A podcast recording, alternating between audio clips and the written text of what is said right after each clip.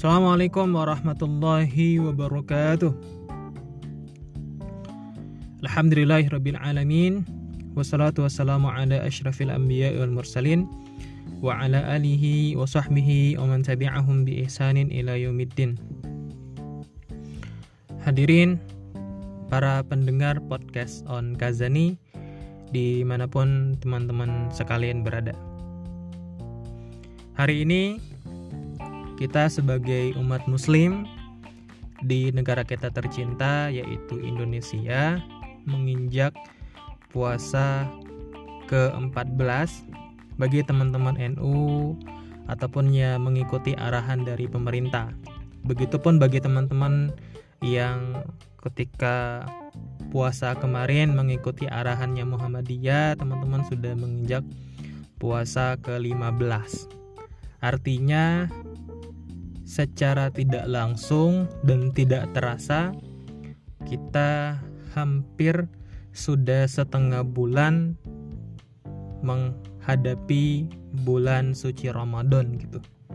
Dan artinya ini juga sebagai penanda bahwa bulan suci Ramadan kita, bulan Ramadan itu tinggal setengah perjalanan lagi gitu.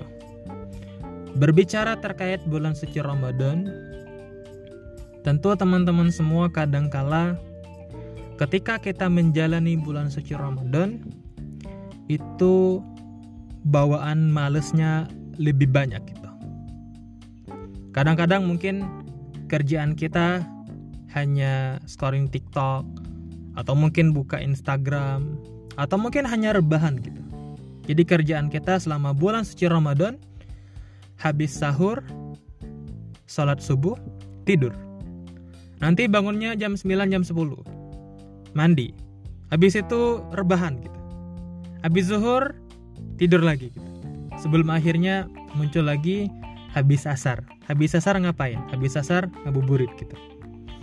Artinya puasa kita itu kadang-kadang hanya soal menahan nafsu dan lapar gitu ya kita menjalani rutinitas kita sehari-hari hanya dengan lapar dan haus gitu. Karena bagi kebanyakan orang lapar dan haus itu itu adalah tanda puasa gitu. Dan puasa itu menyebabkan rasa kemalasan kita itu meningkat gitu. Coba dilihat berapa banyak teman-teman kita gitu yang ketika dia puasa nggak baca Quran. Coba lihat Berapa banyak teman-teman kita yang ketika, yang ketika dia puasa gitu. Kerjaannya hanya tidur-tiduran gitu, hanya rebahan gitu. Coba kita lihat. Seberapa banyak orang yang berpuasa tapi dia hanya berpuasa tanpa melakukan ibadah lainnya gitu. Bahkan nggak sholat sekalipun gitu. Cuma puasa toh. Menahan lapar dan haus gitu. Nah padahal teman-teman semua, seperti yang kita ketahui bersama bahwa puasa itu adalah bulan yang penuh berkah. Bahwa puasa itu adalah bulan yang mana kalau kita mengerjakan sesuatu itu balasannya berlipat ganda gitu. Artinya gitu. Poin besarnya di sini itu adalah puasa adalah momentum terbaik untuk kita beribadah. Karena sekali kita melakukan ibadah itu nilainya bukan cuma sekali gitu. Itu nilainya nggak hanya dihitung satu, tapi berkali-kali lipat gitu. Bahkan gitu. Nanti di penghujung Ramadan ketika kita mendapati bahwa kita dapat Lailatul Qadar gitu. Bahkan ibadah kita itu lebih baik daripada seribu bulan gitu. Itu luar biasanya gitu. Maka poin penting di sini itu adalah bahwa Ramadan itu bukan bulan yang bisa kita jadikan kambing hitam untuk kita balas untuk beribadah gitu. Ramadan gitu. Bukan tempat yang bisa kita jadikan untuk kita bermalas-malasan gitu. Kita jadikan alasan bahwa saya puasa, saya lapar, saya haus gitu. Saya butuh rebahan. Enggak karena bulan suci Ramadan adalah momentum terbaik untuk kita melakukan aktivitas maupun untuk kita melakukan ibadah gitu. Itu ya. Berbicara terkait Ramadan gitu. Teman-teman semua gitu. Bahkan dalam Islam kejadian-kejadian besar itu terjadi di bulan suci Ramadan gitu. Kita ambil contoh ya. Yang pertama gitu. Dulu ketika zamannya Nabi Muhammad Shallallahu Alaihi Wasallam, Nabi Agung kita, itu terjadilah yang namanya perang Badar gitu. Nah teman-teman semua, dulu gitu, ketika Nabi Muhammad SAW masih hidup, Nabi itu ketika bulan puasa dia berperang, gitu. namanya perang Badar gitu. Bayangin ya, bayangin lagi puasa, kemudian haus, lapar, mataharinya terik gitu ini justru diajak untuk berperang gitu. Coba bayangin ya. Ya walaupun kalau kita klik atau kalau kita bahas lebih lanjut, sebenarnya ada banyak pendapat berbeda pendapat di sini gitu. Terkait dengan apakah Rasul itu berpuasa atau tidak gitu. Tapi poin penting yang pengen saya jelaskan di sini itu adalah dulu ketika momentum bulan suci Ramadan Nabi Muhammad itu tidak berleha-leha. Nabi kita itu tidak rebahan gitu. Justru Nabi kita itu lagi berperang. Yang mana perang itu namanya perang Badar gitu. Itu ya. Itu yang pertama. Yang kedua gitu. Dulu ketika dalam proses penyebaran Islam ada salah seorang yang sangat berpengaruh namanya Torik bin Ziyad. Nah, nantinya Torik bin Ziyad ini dikenal sebagai pembebas Andalusia. Atau kalau dalam bahasa sekarang itu disebut dengan Spanyol. Jadi dulu sebelum Spanyol itu ditaklukkan oleh oleh Islam gitu. Oleh umat Islam, datanglah Torik bin Ziyad bersama pasukannya gitu.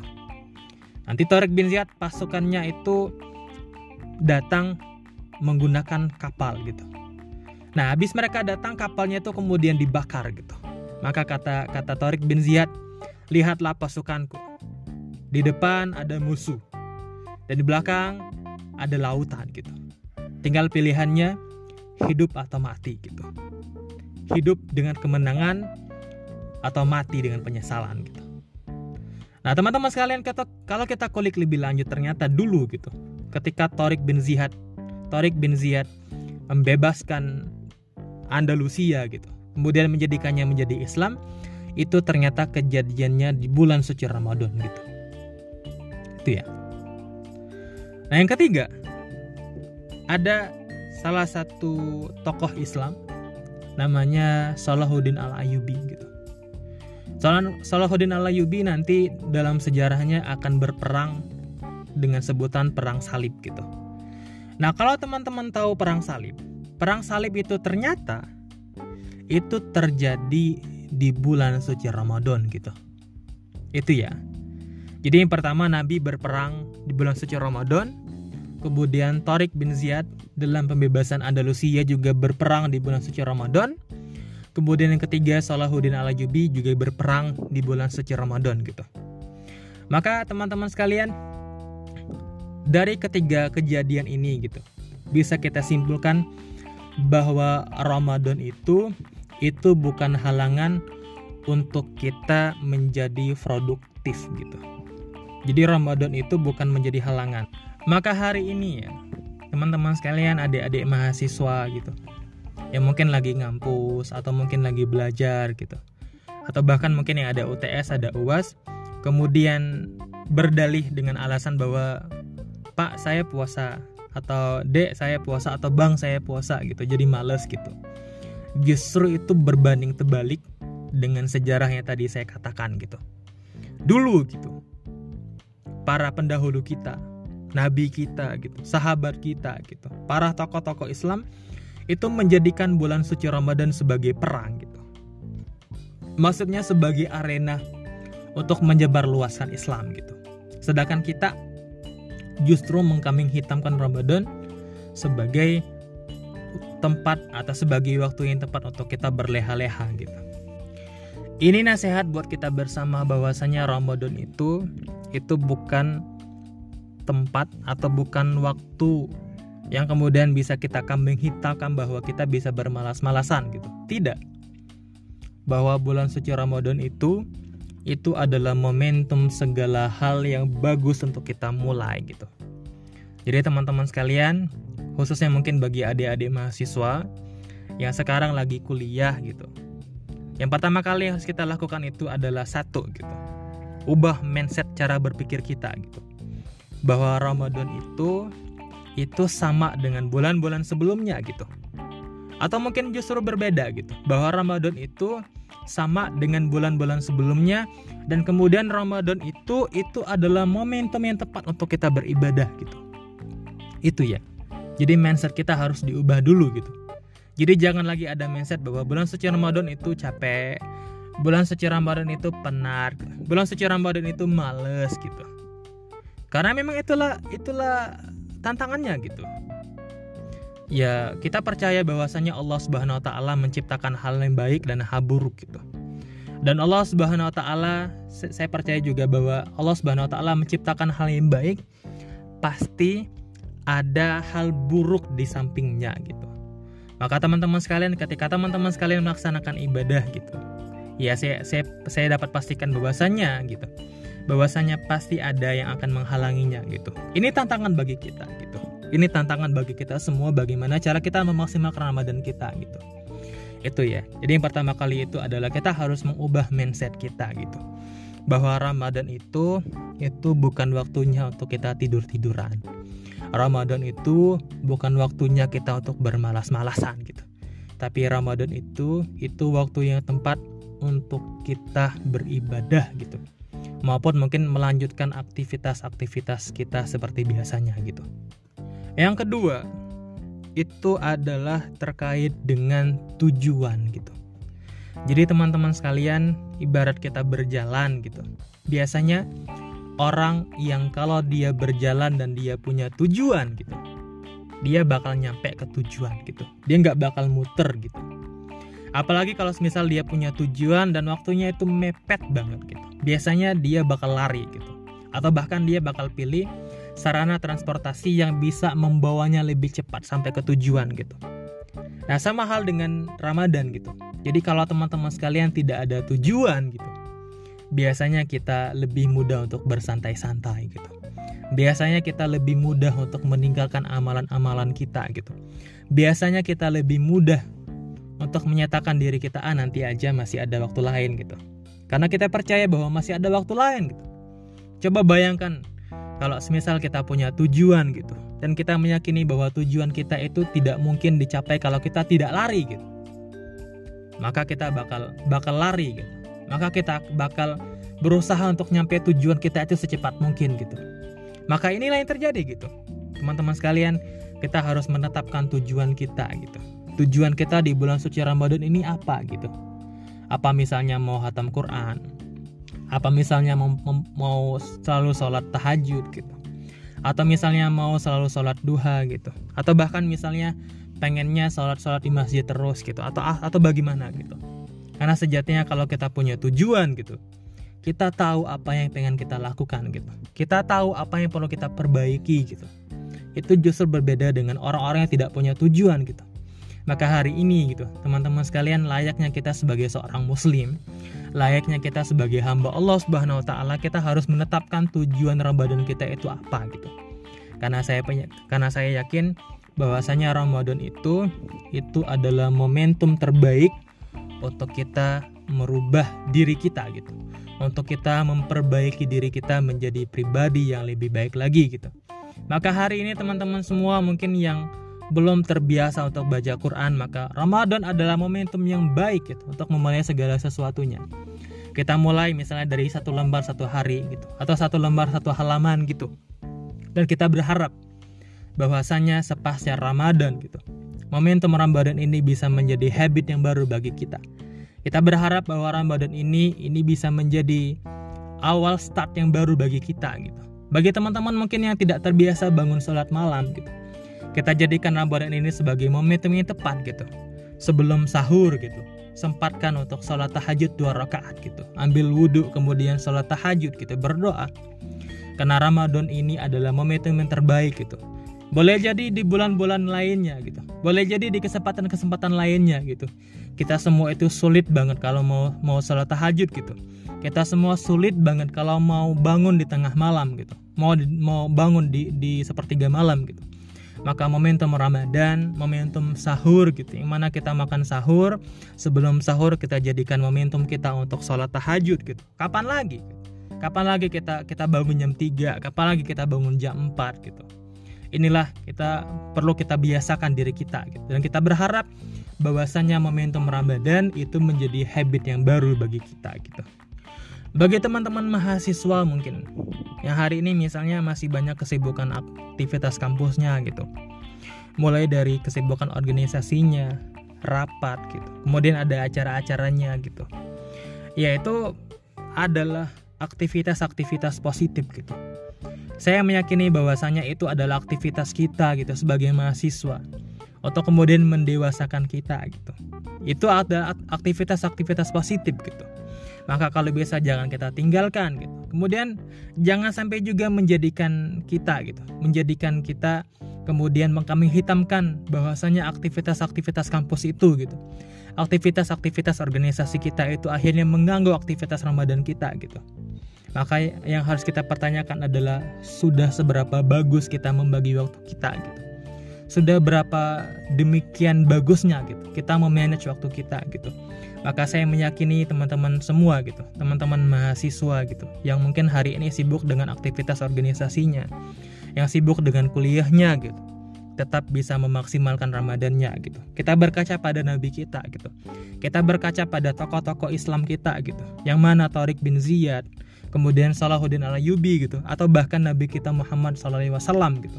Yang mana pada saat Ramadan dia berperang gitu saya yakin persiapan perang itu lebih banyak daripada persiapan untuk untuk untuk kuliah gitu.